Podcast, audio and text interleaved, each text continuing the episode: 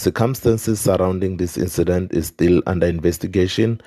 Police opened a case of murder with three additional counts of attempted murder. Preliminary investigation suggests that a scuffle broke out between people that were outside court, and it is also alleged that during this time there were people that were severely assaulted, with one being unfortunately shot and killed.